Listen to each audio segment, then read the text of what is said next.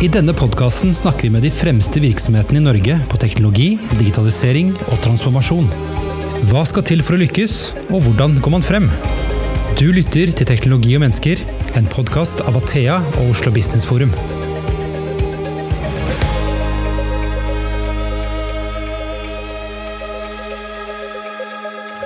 Da er vi tilbake med en ny episode i podkasten Teknologi og mennesker. Mitt navn er Christian Brostad, og jeg jobber i IT-selskapet Athea. Et tips, hvis du abonnerer på podkasten, så får du nye episoder rett inn i din spiller. Kunstig intelligens er overalt, og nesten alle snakker om det. Hverdagssamtalen handler mye om bruk av AI, som gjør mer eller mindre nyttige ting for oss. Men hva med AI som kan bidra til å redde liv og gi oss bedre helsehjelp? I denne episoden skal vi dykke ned i bruk av AI innenfor helsesektoren, både å se på de store mulighetene og utfordringer som vi ser fremover. Og jeg må ærlig innrømme at jeg har gledet meg enormt til denne episoden, for jeg syns dette er eh, råviktig. Uh, gjester Rune Simensen, som er direktør for teknologi og e-helse i Helse Sør-Øst. Og så har vi Ishita Barua, som er lege og har en doktorgrad i kunstig, kunstig intelligens og medisinsk direktør i Live Health. Og har kommet ut med en bok som jeg leste faktisk i jula, som heter Kunstig intelligens redder liv. Velkommen til dere. Tusen takk. Tusen takk. Eh, Rune, med deg så er det jo veldig enkelt, for du er jo teknolog. Men uh, Ishita, du er, har jo medisinsk bakgrunn. Uh, hvorfor AI? Fordi at uh, det ble veldig klart for meg at hvis vi leger skal fortsette å gjøre en god jobb, og enda bedre enn i fremtiden, så er vi nødt til å ha nye verktøy. Verktøy som gjør at vi reduserer feil, reduserer på en måte ting vi burde ha catchet, burde ha klart å diagnostisere Uten at det skyldes oss, men, men, det kan det også, men at vi trenger verktøy som rett og slett gjør oss bedre i jobben vår, spiller oss gode. Mm. Og der er kunstig intelligens, eh, tror jeg, et verktøy som kan bli veldig kraftfullt å bruke fremover. Mm. Og Rune, du har jo også, du snakket i hvert fall før sending om eh, Du er ganske passionate på AI-sporet, du òg? Rett og slett. Ja. det er den gammel passion som nå virkelig har, eh, har våkna til liv igjen. Mm. Um, i 1994 så skrev jeg faktisk en hodeoppgave om bruk av nevrale nettverk eh, til bruk for eh, fartøystyring, noe helt annet. Men eh, teknologien i bånn her er egentlig gammel, men eh, det skjer jo ting, eller har skjedd ting de siste årene nå som gjør at dette virkelig, virkelig blir spennende. Mm. Eh, Ishita, du har jo eh, skrevet en bok som jeg syns er veldig bra, så den anbefaler jeg alle å lese. Takk. Men du har Tittelen er jo én ting, men du har også skrevet AI er legenes nye superkrefter. Eh, og Den syns jeg er litt interessant, fordi at ofte så snakker vi om AI skal ta jobber osv. Uh, hva er det du mener med superkrefter når det kommer til leger og AI? Jeg mener at uh, jeg er ikke redd for å bli erstattet. Jeg tror at de kjedelige oppgavene kommer til å bli erstattet av oppgaver som er mye mer meningsfylte. Vi bruker så store deler av arbeidshverdagen vår som leger, og helsepersonell generelt, til å gjøre oppgaver som kunne vært løst bedre. For det første så er vi for få folk, og vi blir ikke flere heller, hvis du følger noen av konklusjonene i Helsepersonellkommisjonen sin rapport. Sånn at eh, hvordan kan vi få gjort mer, eller minst like mye, og, og, hva slags verktøy trenger vi da? Det er der kunstig intelligens kommer inn. Så det å kalle det superkrefter er rett og slett for å synliggjøre at dette her er ikke en erstatning, det er rett og slett at vi blir eh, enda bedre i jobbene våre, fordi at vi får nå et verktøy som kan supercharge, for å si det på engelsk, eh, de skillsettene som vi allerede har. Hva er det vi gjør bra, hvordan kan vi på en måte gjøre det enda bedre i fremtiden, for det er egentlig det som kreves. Vi har ikke fått noe mindre kompliserte eh, diagnoser å, å, håndtere, vi har ikke fått mindre komplekse pasienthistorier, tvert imot, vi har fått flere pasienter, mer kompleksitet, og det alene kan ikke løses på den samme måten som vi har gjort til nå. Og, eh, AI er jo overalt, som vi sa, Rune, og alle snakker om det. Eh, og jeg, tror, jeg har en sånn følelse av, kanskje i deres kretser, da, så snakker man jo mye om AI og helse, mm. Eh, men det har ikke vært så mye, bortsett fra det Casey Bærum, liksom. Mm. Eh, hvorfor er AI så viktig for helsesektoren? Det er jeg vil si to momenter. Hishita nevnte i hvert fall den ene nå. det ene er det å komme med teknologi som faktisk gjør at leger, helsepersonell, kan spare tid, som Hishita var inne på. Eh, og det andre er eh, at det også kan eh, gjøre selve arbeidet bedre, dvs. Si heve kvaliteten. Og fange opp ting som ellers er vanskelig å fange opp for en lege. Og hvis man ser litt på tilfang av ny kunnskap, da, så er det så enormt globalt innenfor helse. det er nesten umulig for en lege å fange opp dette og klare å bruke det som en beste praksis for seg selv i, i hverdagen. Så det å få hjelp av teknologi for å fange opp i størst mulig grad, da, det er helt umulig å treffe helt, men i størst mulig grad fange opp beste praksis globalt, der ligger det et kjempepotensial for å gjøre, gjøre helsepersonellet bedre. Så det er spart tid og, og, og, og bedre kvalitet. Det er de to hoveddriverne. Eh, og du er ganske optimistisk. Eh, Ja, Boka di er jo en stor fest, nesten. Jeg kan avsløre det at uh, på skrivestadiet, det, da dette var et manus, så hadde ikke det den tittelen. Det hadde en helt annen tittel. Sånn at uh, utover boken, og, og på en måte sånn som historien har uh, vært da, med kunstig intelligens, og studiene som er gjort med bruk av kunstig intelligens innenfor klinikken, altså innenfor helse, med pasienter, så ser vi at stadig flere studier viser til gode resultater. Og det er grunnen til at jeg da kunne være så uh, tøff og gå ut hardt og si ja, kunstig intelligens redder liv, og på en måte ha faktisk dokumentasjon på at det stemmer. Um, og det, det tror jeg er viktig å få fram, for at har, du har så mye dommedagsprofetier uh, når det kommer til kunstig intelligens i dag, at folk flest er jo Altså, veldig mange er veldig redde for at dette skal ta over. Ikke bare oppgaver og, uh, og funksjon som arbeidstaker, men ta over alt. Um, at det rett og slett alt blir styrt av kunstig intelligens. Sånn at den frykten tror jeg må uh, møtes med også kunnskap om hvordan det faktisk er et optimaliseringsverktøy. For hele poenget med å bruke kunstig intelligens er at noe skal bli bedre. Um, og det tror jeg forsvinner litt i all den støyen om, om uh, dommedagsprofetier og hvordan det tar over verden og tar over viljen din. Og det er også noe man skal være oppmerksom på, men vi må snakke mer om de gode effektene. Er vi gode der? Eh, Vi blir bedre og bedre til å snakke om de gode effektene, vil jeg tenke. Um, og uh, vi har jo begynt så smått nå i Helse Sør-Øst å, å bruke det i, uh, i pasientbehandlingen. Uh, vi kan snakke mer om det etterpå. Um, men da begynner vi å se gevinster, og da er det veldig lett å snakke positivt videre. Så det at vi har fått en så god start da, på ibruktagelsen i pasientbehandlingen, det er veldig verdifullt. For det er lettere å fortsette den hva skal jeg si, positive, eh, konstruktive dialogen som Ishita er inne på, og ikke bare se det negative. Det sagt så skal vi jo absolutt være var på utfordringene knyttet til eh, den eller disse teknologiene, eh, men vi må jo søke hele tiden å, å, å utnytte mulighetsrommet. Og det, liksom, det, er jo, hvis vi ser på, litt mer spesifikt på, på spesialisthelsetjenesten, hvor jeg har et ansvar i Helse Sør-Øst, for teknologi, så vi har jo et voldsomt behov for å spesielt frigjøre tid, som Ishita, Ishita innleda med. Og det, det er ikke sant, Vi får flere og flere eldre. Det, er, det, det er veldig forutsigbart. Det vil si at etterspørselen etter spesialisthelsetjenester, vil si på sykehusene, den bare øker. Og vi kommer ikke til å klare å rekruttere helsepersonell for å kompensere for den økningen. Og da er teknologi en del av svaret på å klare å dekke det behovet, minst like godt som vi gjør i dag. Da. Så det er, det er timingen for å introdusere en, hva skal jeg si, en, et nytt verktøy i verktøykassa er veldig bra, da, i forhold til å bidra til å løse den utfordringen som, som vi veit kommer.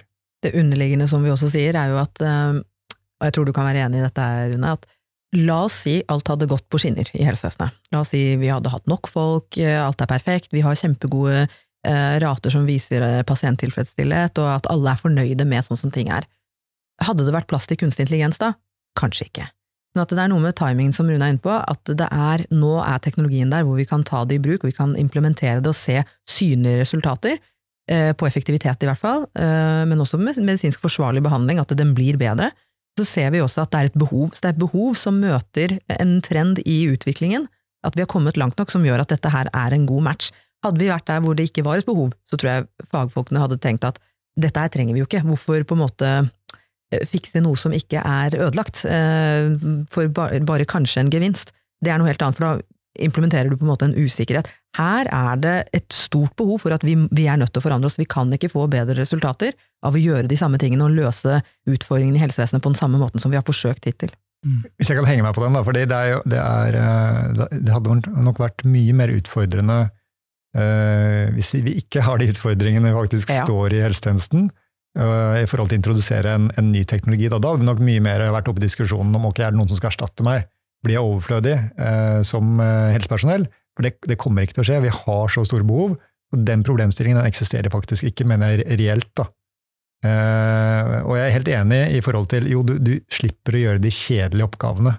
Så um, det gjør det jo enklere å komme med ny teknologi når du, når du slipper den litt sånn tunge diskusjonen om du blir erstatta eller ikke, for det er virkelig ikke reelt. Eh, Rune, eh, du er jo sjef for AI si, i Helse Sør-Øst. Hvordan er det dere angriper dette området? Hva er liksom tenkningen hos dere? Eh, jeg vil sortere det i to. vi har jo gjort uh, forskning innenfor AI i mange år ute på helseforetakene våre. Uh, mange store forskningsprosjekt som har skjedd der uh, i, i, flere år. så det, Forskningsdelen er én bit. den andre biten er det å ta i bruk ferdig AI-løsninger.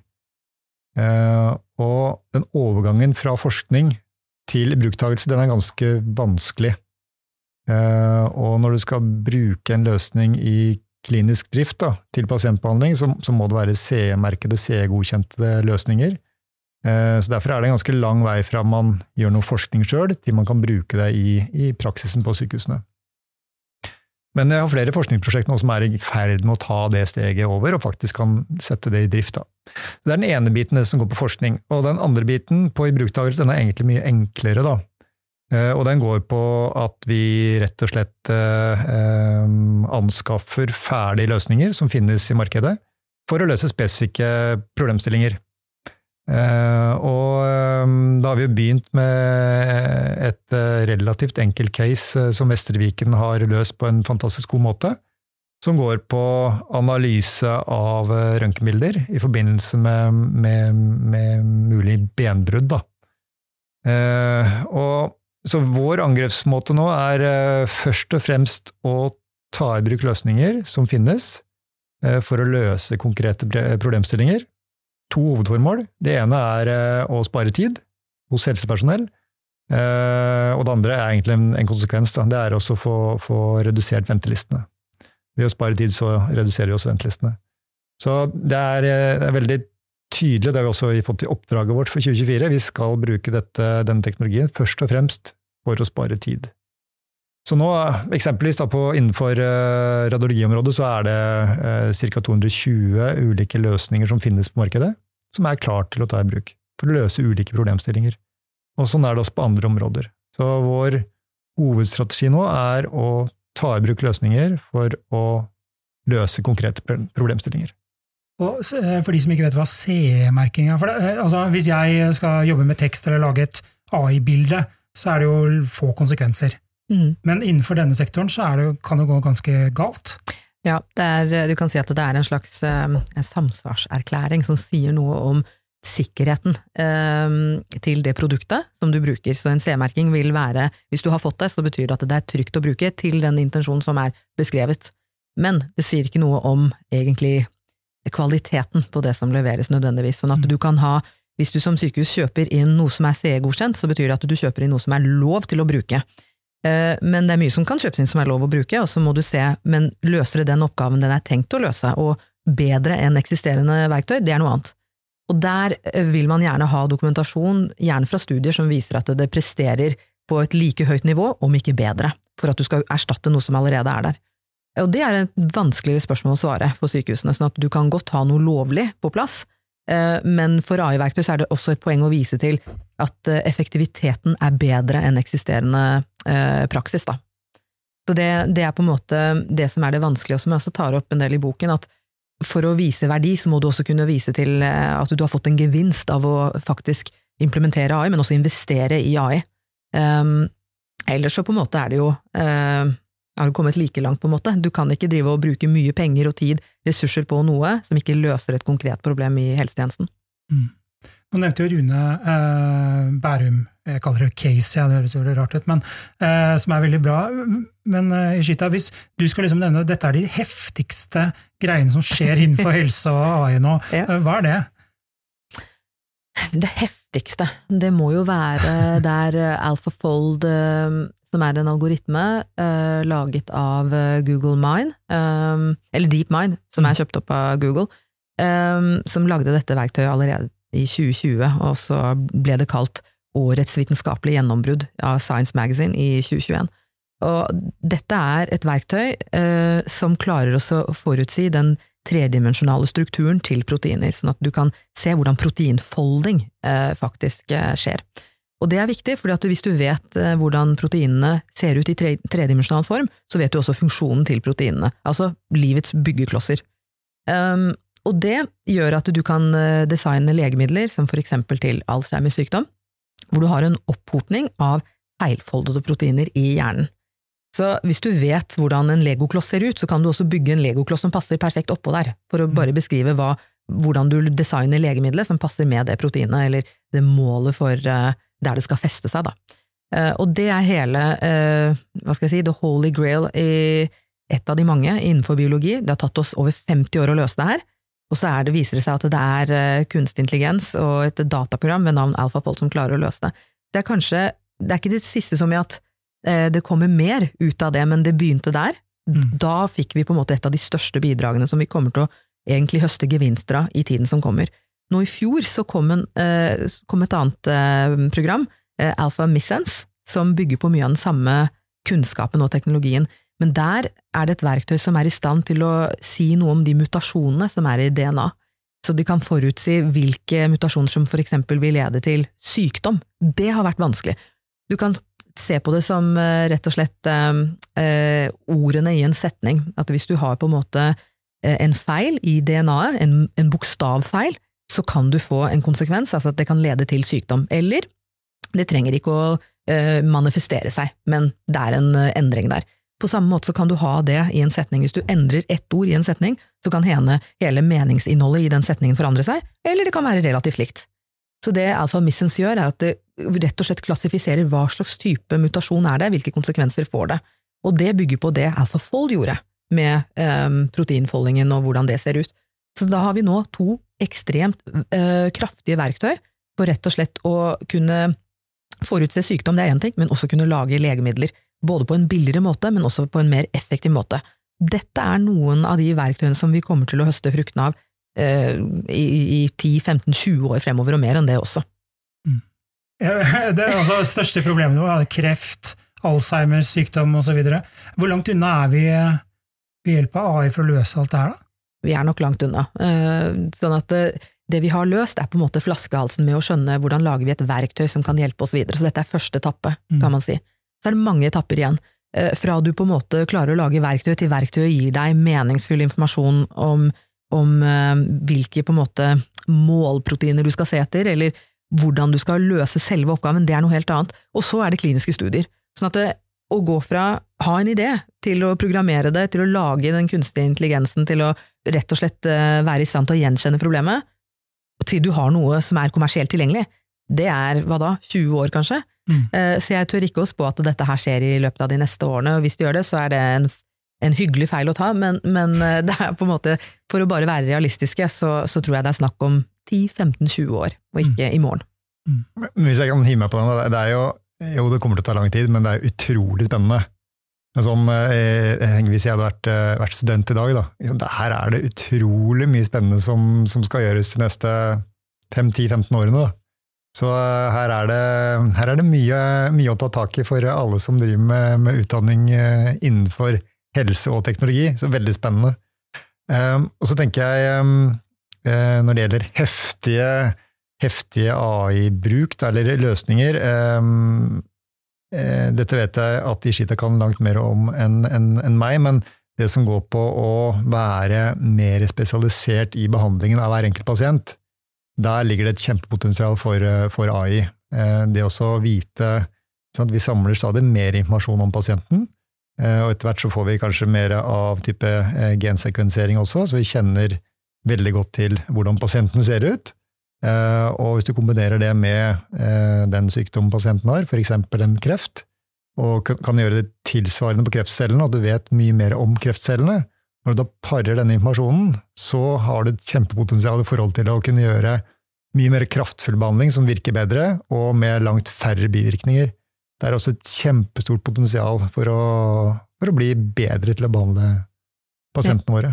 Det stemmer. Det, det, vi er inne på nå, er presisjonsmedisin. Altså skreddersydde behandlinger som, som hensyntar eh, genetikken til pasienten, livsstilen til pasienten, og også personlige preferanser. Du baker alt dette inn. Men alt dette her, eh, bare genetikk alene, er hav av data som ikke vi har egentlig til nå hatt verktøy for å håndtere. Så det er ikke det at vi ikke har hatt kunnskap om at presisjonsmedisin er bra eh, verktøy, men det er det at vi ikke har hatt verktøy til å håndtere datamengden, mens nå har vi det. Så til nå så har man tradisjonelt hatt eh, presisjonsmedisin innenfor onkologi, altså kreftmedisin. Det er der vi bruker det, at du skreddersyr behandlingen til kreftpasientene. Men det man ønsker, det myndighetene ønsker, er jo at du bruker presisjonsmedisin innenfor alle subspesialiteter av medisin. Så om du har på en måte brukket et ben og går til en ortoped, eller om du går til fastlegen din, så ønsker man et element av presisjonsmedisin, sånn at du har individuelt tilpassede behandlinger for den pasienten. Og det er egentlig eh, kanskje mye av løsningen og svaret på hvordan du skal bruke kunstig intelligens, sånn at den er målrettet og ikke bare en modell som er trent på for eksempel da, en stor del av befolkningen, men som ikke treffer på minoritetene. Da er du nødt til å se til presisjonsmedisin for å få den skreddersydd. Eh, eh, en sånn ting som tatt ned i hodet mitt nå, fordi eh, alle har vært hos legen, og en lege er ofte sånn rettvendt mot maskinen og taster ned alt som ja, Gud veit hva de skriver, det har ikke jeg peiling på. Men det, hvorfor kan det ikke bare gjøre lydopptak, og så bare rett inn, og så bearbeides det, og så lages det en journal? Er vi ikke der? Jo da, vi er straks der. Microsoft innså jo dette her for et par år siden og kjøpte opp Nuance, som er transkriberingsselskapet i USA. Eh, som er veldig gode på det der, men det var ikke godt nok, eh, i hvert fall ikke på andre språk. Og det som er medisinsk sjargong, er annerledes enn vanlig norsk mm. språk også. Sånn at eh, det å trene modellene til at de oppfatter hva som blir sagt, det er vanskelig. Men nå skal jo de ha et samarbeid med OpenAI og ChatGPT også, sånn at nå får du et, altså et enda bedre transkriberingsverktøy, rett og slett, Eh, som er på trappene, og som jeg tror vil endre måten vi jobber på, altså helsepersonell, og den arbeidsflyten. Du skal ikke lenger trenge å se inn i dataskjermen eh, så mye. Du kan frigjøre deg og se på pasienten og bruke tid på undersøkelse. Det er på en måte der kanskje gullet ligger litt. Den frigjøringen av kapasitet, og det at du bruker tiden din på riktig måte. Det er også noe av det som jeg tror kommer til å gjøre at folk står i jobbene sine lenger. Når jeg mente dette med kjedelige oppgaver blir fjernet ved hjelp av kunstig intelligens, så er det snakk om de oppgavene som noe annet kunne løst. Nå sier jeg noe, fordi at her bruker vi teknologi, det er ikke andre som kommer på en måte og hjelper oss, men rett og slett eh, det som er hele poenget med å være helsepersonell, er at du skal bidra til å yte de beste helsetjenestene. Det får du ikke gjort hvis du bruker masse tid på bare dokumentasjon. Nå er dokumentasjon veldig viktig, men det er et biprodukt av det vi faktisk gjør. Sånn at hvis hvis vi bruker mesteparten av tiden på biproduktet, så tror jeg du har prioritert feil. Det er der det kommer inn og virkelig kan gjøre store endringer. Det er spørsmålet når kommer dette her, men teknologien har vi. Vi ser jo det når vi bruker ChatGPT, at det gjengir Tekstene er veldig gode.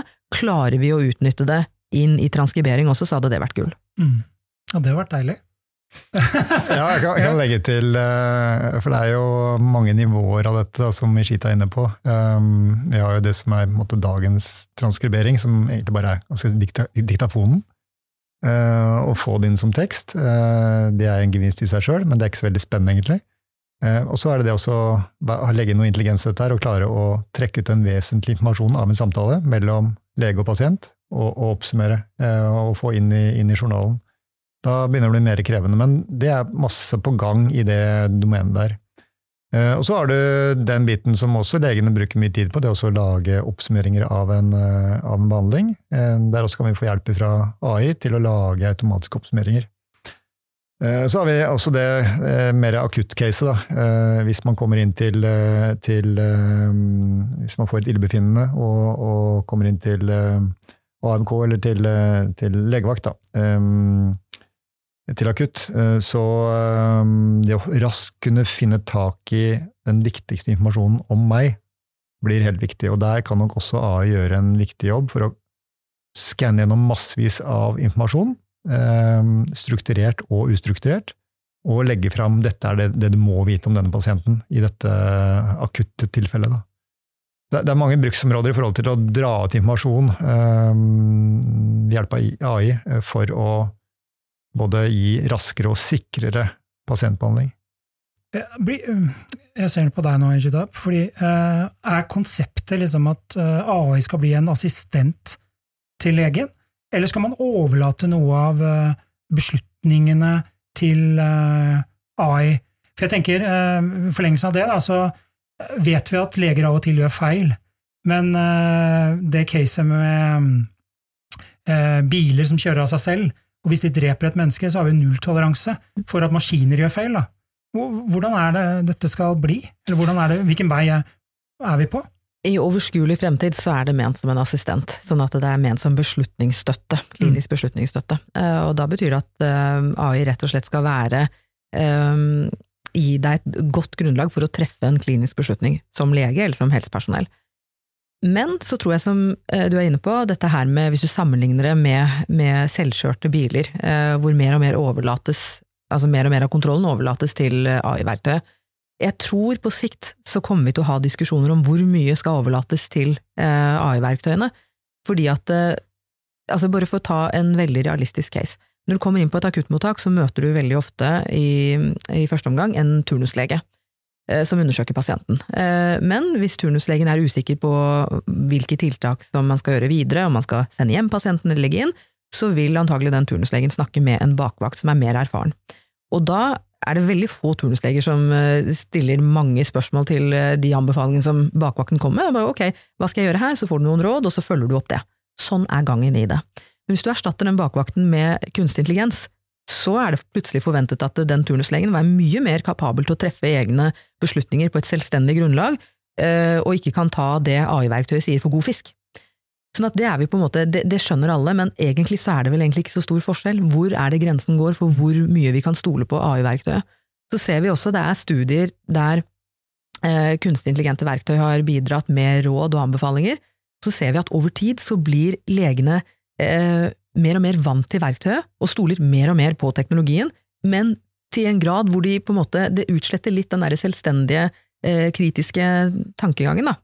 Sånn at det blir vanskeligere å skille mellom hva er det legene faktisk treffer av beslutninger på selvstendig grunnlag, og hva er det på en måte som er eh, presset på av AI. Så på sikt så tror jeg vi er nødt til å ta en diskusjon om hvor mye kontroll eh, overlates til kunstig intelligens, og, og, hvor går grensene. Og da tror jeg vi kommer inn i eh, et space hvor vi på en måte egentlig er nødt til å diskutere ansvarsfordeling. For Eh, litt av grunnen til at man er ok med at mennesker gjør feil, og at leger kan gjøre feil, er for at vi godtar at de er mennesker. Mm. Sånn at vi har en aksept for feil som gjøres, fordi ja, men det er menneskelig å feile. Og så har vi nulltoleranse for at maskiner kan gjøre feil. Enda den feilraten i mange tilfeller er lavere enn, enn når mennesker gjør dem. Mm. Um, og så er spørsmålet hvordan, hvordan, overfører vi det til kunstig intelligens, og hva er på en måte laveste akseptable rate? Hva tenker vi er bedre at maskiner gjør, selv om de gjør feil, fordi alternativet er at mennesker gjør mer feil? Uh, og hvor skal ansvaret plasseres når det går galt. Og da er det litt sånn, er vi inne på, er det innkjøper som har ansvar, er det produsent, er det helsetjenesten som har kjøpt det inn, er det legen som har trykket på en knapp og fått en anbefaling? Eh, jeg tror det siste vil fortsatt gjelde i overskuelig fremtid, at det er legen som bruker apparatet som bruker kunstig intelligens til å treffe beslutninger, som til syvende og sist må forstå hva er fallgruvene når jeg går god for denne anbefalingen og følger anbefalingen fra AI-verktøyet det, det, ansvaret sitter på den legen, men vi kommer ikke unna at, eh, at, eh, selvfølgelig så er dette her designet for at det er ikke så lett å treffe den beslutningen der. Eh, noe må kanskje også gå til produsenten og innkjøper og sykehuset. Jeg tror, jeg er helt enig med Ishita i forhold til dette. Ansvaret kommer til å ligge fortsatt på legene. De har, du har denne blackbox-problemstillingen med en, en, type algoritme som, som, som kommer fra, fra AI. Da, det holder ikke at Ishita som lege får et svar fra en, en, eh, en, algoritme hvis hun ikke forstår hvorfor det svaret kommer. Så legen må kunne forklare hvorfor eh, han eller hun kommer med en diagnose. Uh, gjerne basert på en type assistent som AI. Jeg liker veldig godt assistentbegrepet på AI. Jeg tror det, det er et veldig riktig begrep, og det kommer til å gjelde veldig lenge som hoved, kan du si, bruksrolle i, i helsetjenesten. Men eh, ansvaret ligger på legen, og legen må forstå eh, hvorfor han eller hun kommer med, med en, eh, en, en, diagnose da, eller anbefaling. Det, det, ansvaret ligger der, akkurat som hva skal jeg si, en snekker som bruker ulike verktøy. Du er, du er, du er ansvarlig uansett hvilke verktøy du bruker. Dette vil være et kraftfullt verktøy, men like fullt et verktøy som, som du må ta ansvaret for når du bruker det. Litt av problemet der er at det er veldig mange uh, ting vi ikke helt forstår. Altså, vi begynte å ta i bruk legemidler for å behandle pasienter før vi fullt forsto eh, de molekylære forklaringene for hvorfor, la oss si, hvordan litium virker, hvordan Paracet virker. det er veldig mye kunnskap som har kommet etterpå, etter at vi begynte å bruke det på pasientene våre som behandling. Og det er på en måte en medisinsk tradisjon for det, fordi du har gjort studier, eller du har sett eksperimentert at dette her går bra. Du forstår ikke helt årsakssammenhengene, men du ser likevel at det går bra, bivirkningsraten er lav, eh, og gevinsten er høy. Så tar du det i bruk. Sånn at det er en, en, en måte, en, en, tilnærming til det innenfor medisinfaget, eh, som er basert på at eh, praksis for hvordan dette her går, er førende. Altså, eh, det er evidensbasert medisin, da. Har du evidens for at dette her fungerer, ok, da er det godt nok. Eh, og det har vært tradisjon. Men så introduserer kunstig intelligens, det utfordrer oss på det punktet der. For hvordan skal du ta i bruk noe vi ikke klarer å forklare eller ikke forstår hvorfor treffer den anbefalingen eller den slutningen det gjør? Så la oss si du blir anbefalt eh, å la være å ta en, en eh, forandring, et forstadie til, til mulig potensielt kreft, da. Uh, og så tenker du at ok, kunstig intelligens har anbefalt meg å la den stå, jeg lar den være. Og så viser det seg at den beslutningen kanskje var gal, og at om 10-15 år så blir den forandringen til kreft. Da er det den legen og det helsepersonellet som er nødt til å stå inne for den avgjørelsen. Vi kan ikke skylde på kunstig intelligens der.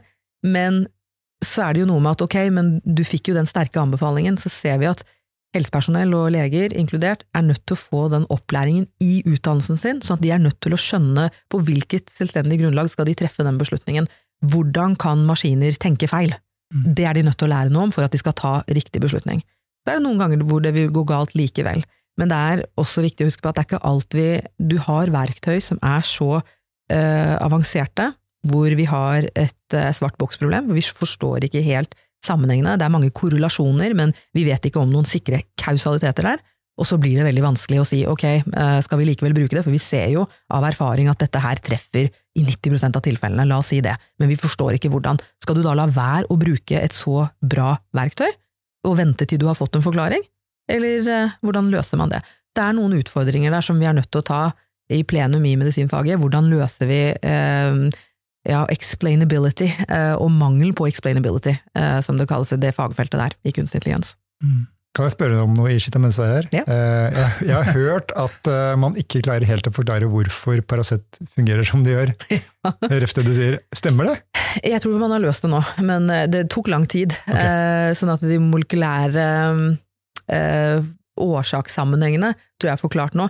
Men det tok oss lang tid, så, og så gjelder det for veldig mange medisiner. Mm. Eh, nøyaktig virkningsmekanisme, at det ikke er forstått og tar lang tid, men du bruker det lenge før du har forstått det. Så det er, det er noe med den der at vi har egentlig rutiner i medisin for å, for å bruke ting vi vet sannsynligvis vil gå bra, mm. fordi det er erfaringen vår, og så forstår vi ikke det helt. Ja, det tar man senere. Så lenge tallenes tale er så klar at ja, du har en effekt av det som er god. Og der tror jeg vi må være litt mer pragmatiske i forhold til kunstig intelligens, og det, det, vet jeg at veldig mange kanskje eh, kan kritisere, at de mener at nei, men man skal ikke ta i bruk noe man ikke forstår. Vel, det har vi allerede gjort, men vi har god praksis på hvordan du kan håndtere den risikoen. Og ingenting i medisinfaget innenfor helse er nullrisiko. Mm. En nulltoleranse for, eh, for eh, risiko, det, det, det, finnes ikke. Og det, det, er alle prosedyrer vi gjør, inkluderer en viss eh, risiko. Vi kan også snu på det og se at det, jo, her er det en teknologi som uh, gir oss uh, en mulighet til å virkelig gi bedre pasientbehandling. Da tenker jeg da plikter vi også virkelig å gå inn og se hvordan vi kan bruke den teknologien. Å bare se, se risikoen, det, det, blir feil. Så vi har en plikt der i forhold til virkelig å utnytte den muligheten som ligger der, og noe annet ville være Da gjør vi ikke jobben vår, tenker jeg. Rett og slett eh, unnlatelsessynd å ikke ta i bruk så kraftige verktøy. Um, og det er, det er, på en måte, det må vi sammen finne ut av hvordan gjør vi det på en god måte. Uh, hvor du ikke lar være å bruke verktøy som du vet vil ha en god effekt, men også hvordan implementerer du på en måte som gjør at helsepersonell klarer å høste gevinstene. Mm. Fordi at man kan oppleve at utfordringene er så store at man ikke vet Ja, for det er mange altså Hvis man risikerer, som dere sier, da, at uh, verktøyet er der, men vi tar det ikke i bruk for vi er litt redd for uh, konsekvensene av det, og så vet jeg at du, du, har en kjepphest. Den har jeg hørt i alle de intervjuene jeg har lest. Og sånn, eh, og dette er eh, en nedside med diskriminering, diskrimineringsproblem. Man må forklare litt eh, for lytterne hva, hva du mener med dette. Du sikter til såkalt algoritmisk diskriminering, hvor du har på en måte AI-modeller som er trent på en majoritetsbefolkning, og så blir modellen veldig god veldig ofte, har en høy treffsikkerhet for majoriteten av folk. Men likevel så bruker du det på alle deler av befolkningen, så også minoritetene som ikke var en god nok del av treningsgrunnlaget. Sånn at eh, bruksområdet for eh, den AI-modellen blir da annerledes eh, og ikke representativ for den, det grunnlaget du trente modellen på. Mm. Og det er egentlig et generelt problem. Det er ikke bare innenfor eh, AI-teknologi og forskning hvor vi ser dette problemet. Det er generelt et problem innenfor all forskning, at du har ikke god nok representasjon av alle deler av befolkningen. Det er vanskelig å rekruttere, eh, og mange andre rent praktiske ting som gjør at det blir vanskelig å få den representasjonen man ønsker. Det gjør at du kommer opp i en sånn, et dilemma. Skal du bruke et verktøy som er, funker bra for eh, majoriteten av befolkningen, skal du bruke den på alle uten å hensynta de som har en annen etnisk bakgrunn? Det, det er det som er vanskelig innenfor norsk helsevesen, at vi samler jo faktisk ikke inn informasjon om etnisitet i pasientjournalene, sånn at vi har ikke engang en mulighet til å teste ut om uh, ulike AI-verktøy fungerer like godt på alle deler av befolkningen. For du kan ikke trekke ut de uh, pasientene som har en annen etnisk bakgrunn. Vi samler ikke inn systematisk informasjon på det. Uh, og det gjør det vanskelig, sånn at du har en potensiell risiko der, hvor du godtar, du kjøper inn et verktøy, og så tenker du at ja, ja, ok, en fransk befolkning ligner ganske mye på den norske befolkningen på akkurat visse variabler, og dermed så tar du det i bruk, men så får du et problem likevel, fordi du vet ikke nok, kanskje, fra produsentens side om hva den er trent på. Hva er modellen trent på? Hvilke deler av befolkningen er ikke godt nok representert? Og hvis ikke du vet det, så, så får du et problem når du på en måte, uten å gjøre en vurdering i hvert enkelt tilfelle, forstår vil denne modellen virke like godt på denne, denne pasienten her. Dette er et veldig viktig, viktig område å ha kontroll på. da. Og eh, jeg nevnte at vi eh, i Helse Sør-Øst jobber med å ta i bruk ferdige løsninger. Eh, før vi bruker de skarpt i pasientbehandlingen, så gjør vi det vi kaller validering. Og da gjør vi en sjekk på at denne løsningen fungerer på vår pasientpopulasjon. Og det, er en veldig viktig fase, og det må vi gjøre på alle nye verktøy vi tar i bruk innenfor for klinisk, dvs. Si pasientbehandling. Men dette er ikke enkelt, eh, som Ishita er inne på. Vi, vi, har noe, ikke vi, har ikke noe, data om etnisitet i dag, så vi vet ikke. Eh, vi har ikke noe informasjon om det i, i systemene våre. Eh, så selv om vi får til valideringen, så er det litt vanskelig å bruke det i pasientbehandlingen likevel. Eh, derfor må vi være veldig bevisste på eh, hvilke type problemstillinger og hvilke type eh, løsninger vi tar i bruk. Tilbake til det vi har begynt med nå i Vestre denne løsningen for å analysere røntgenbilder. Ganske enkel, eh, enkelt og ufarlig område. Eh, lite forskjeller sånn genetisk mellom ulike etnisiteter. Så det er, det er, den, er, den, er, ikke veldig risikofull i forhold til denne problemstillingen. Men vi kan ta eksempelvis eh, analyse av mammografibilder, da, som et annet eksempel. Ja, der er det nok større forskjeller mellom, uh, mellom uh, ulike folkegrupper. Og det må også vi være bevisst uh, i forhold til befolkningen i Norge, fordi vi har mange ulike folkegrupper i, i Norge. men det, det er, her må vi være veldig vi må være nyanserte i forhold til hvilke typer løsninger og problemstillinger vi faktisk tar i bruk disse løsningene på. For på noen av de så er det et større problem enn på andre. Så vi må være bare bevisst denne problemstillingen, tenker jeg. Um når man snakker om digitalisering generelt og bruk av AI i andre sektorer, så snakker vi om at uh, her må vi bare hoppe i det, prøve, uh, feile, lære raskt osv. Men det funker jo ikke i denne sektoren, for det kan jo gå riktig ille. Enig, men uh, jeg tror nok vi er omtrent best i klassen på det likevel, takket være Vestre Viken. For at det, i offentlig sektor så så er det jo liksom Nav-brukere, og det er også en Ruter-brukere. Det er eh, en god del aktører som har kommet godt i gang. Og så er det veldig overraskende at vi også i helsevesenet har kommet i gang. Mm. Og der har vi klart å bruke det på en smart, smart, måte, fordi at ok, enten så utvikler du det, eller så tar du det i bruk. Det er enten eller, eller aller helst begge deler, men det er vanskelig å gjøre begge deler samtidig. Men at vi har i hvert fall klart å implementere det, så vi har kommet godt i gang der. Og så tror jeg andre sektorer har noe å lære av at vi har faktisk evnet å finne et område hvor det er eh, lav risiko.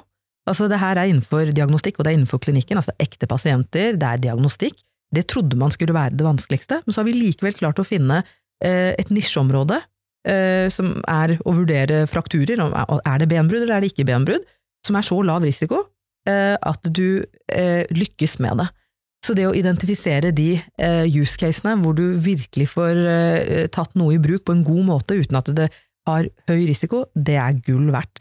Det vi har klart, er rett og slett å eh, ta en sånn lavthengende frukt, implementere det innenfor et område som var antatt vanskelig, men hvor vi har funnet lav risiko. Og så har vi jo redusert risikoen ytterligere av at det, det er kontrollmekanismer på plass, det er en human in the loop i form av radiologer som sjekker disse svarene dagen etter uansett. Eh, Men så har vi sett at effektiviseringen gjør at ok, du har spart hva da, 115 eh, døgn i ventetid på å ta i bruk dette verktøyet. Det er ganske mye. Mm. Um, så jeg tenker at andre sektorer har noe å lære, for at eh, de man kan bruke lang tid på å utvikle dette her, men det finnes en annen måte, eh, og det er å implementere det som eksisterer. Det vi også er gode på i helse, er jo å drive forskning og følge forskning. Eh, Og Der tror jeg også andre sektorer kan lære litt av eh, det vi gjør i helse. Fordi vi setter på følgeforskning når vi gjør disse uttestingene og lærer masse, før vi går videre. Eh, Og justerer da, før vi, eh, før vi eventuelt går videre. Så der har vi veldig god metodikk eh, egentlig i, tradisjonen, tenker jeg, fra, fra helse, som vi nå får nytte av også i forhold til bredding av KI-algoritmer. Men du er inne på at fail fast funker liksom dårlig i pasientbehandling. Så det, det har du helt rett i. Men eh, det er noe med å gjøre det klokt og, og kontrollert, så, så eh, klarer man også å feile innenfor det som er, eh, er akseptabelt. Da. Og så justerer vi før vi går videre. Så hvis man ikke tar noe som helst risiko, så kommer man heller ikke videre. Men jeg tror vi så langt har funnet en ganske bra balanse. Eh, Vi nærmer oss slutten, men det er ett spørsmål som jeg tenkte begge kunne få. Eh, AI-toget går jo unna så det holder. Eh, Så jeg tenkte kanskje starte med deg, da, Ishita. Eh, Hvor tror du vi står med AI og helsesektoren eh, i slutten av året? Slutten av året. Um, Har vi, hva har vi fått til, tror du? Jeg har en hemmelig drøm, og den er ikke så hemmelig nå, for å si den her, men, men jeg har veldig lyst på øhm, bedre verktøy eh, basert på kunstig intelligens som hjelper oss med administrasjon. Altså dokumentasjon og eh, journalføring og den type ting. Det kan ikke være så vanskelig, er det jeg tenker. Når vi har så gode verktøy ellers, eh, altså hvordan får vi tatt det med oss og satt det inn i en helsekontekst, sånn at personvern, GDPR, alt blir ivaretatt, og likevel så har vi bedre verktøy for det. Hvis bare det løses, så er det en kjedelig oppgave mindre. Eh, Så det er det jeg håper innen året er omme, og som jeg også tror er mulig fordi at teknologien er der. Det er mer å finne ut hvordan, hvordan løser vi det sånn at det også er lovlig eh, og passer i en helsekontekst. Rune, hva er din drøm? Innen utgangen av 2024 Jeg gjorde det så kort der fordi at det går så fort. at det er vanskelig å spå. Nei, jeg tror eh, i forhold til eh, Helse Sør-Øst så tenker jeg at vi må klare å få økt eh, bruk av den eh, løsningen vi nå har eh, kommet langt med i Vestre Viken. Eh, Det vil si få den ut til andre sykehus, både i vår region og ellers i landet. Eh, Og at vi får gjort, kommet videre også med én eller to andre løsninger eh, i løpet av et året. Det tar litt tid, så hvis vi klarer det, så tror jeg at vi skal være ganske fornøyd. Det blir spennende å følge med. Ishita og Rune, tusen takk for at dere kunne være med, og tusen takk til deg som har lyttet på.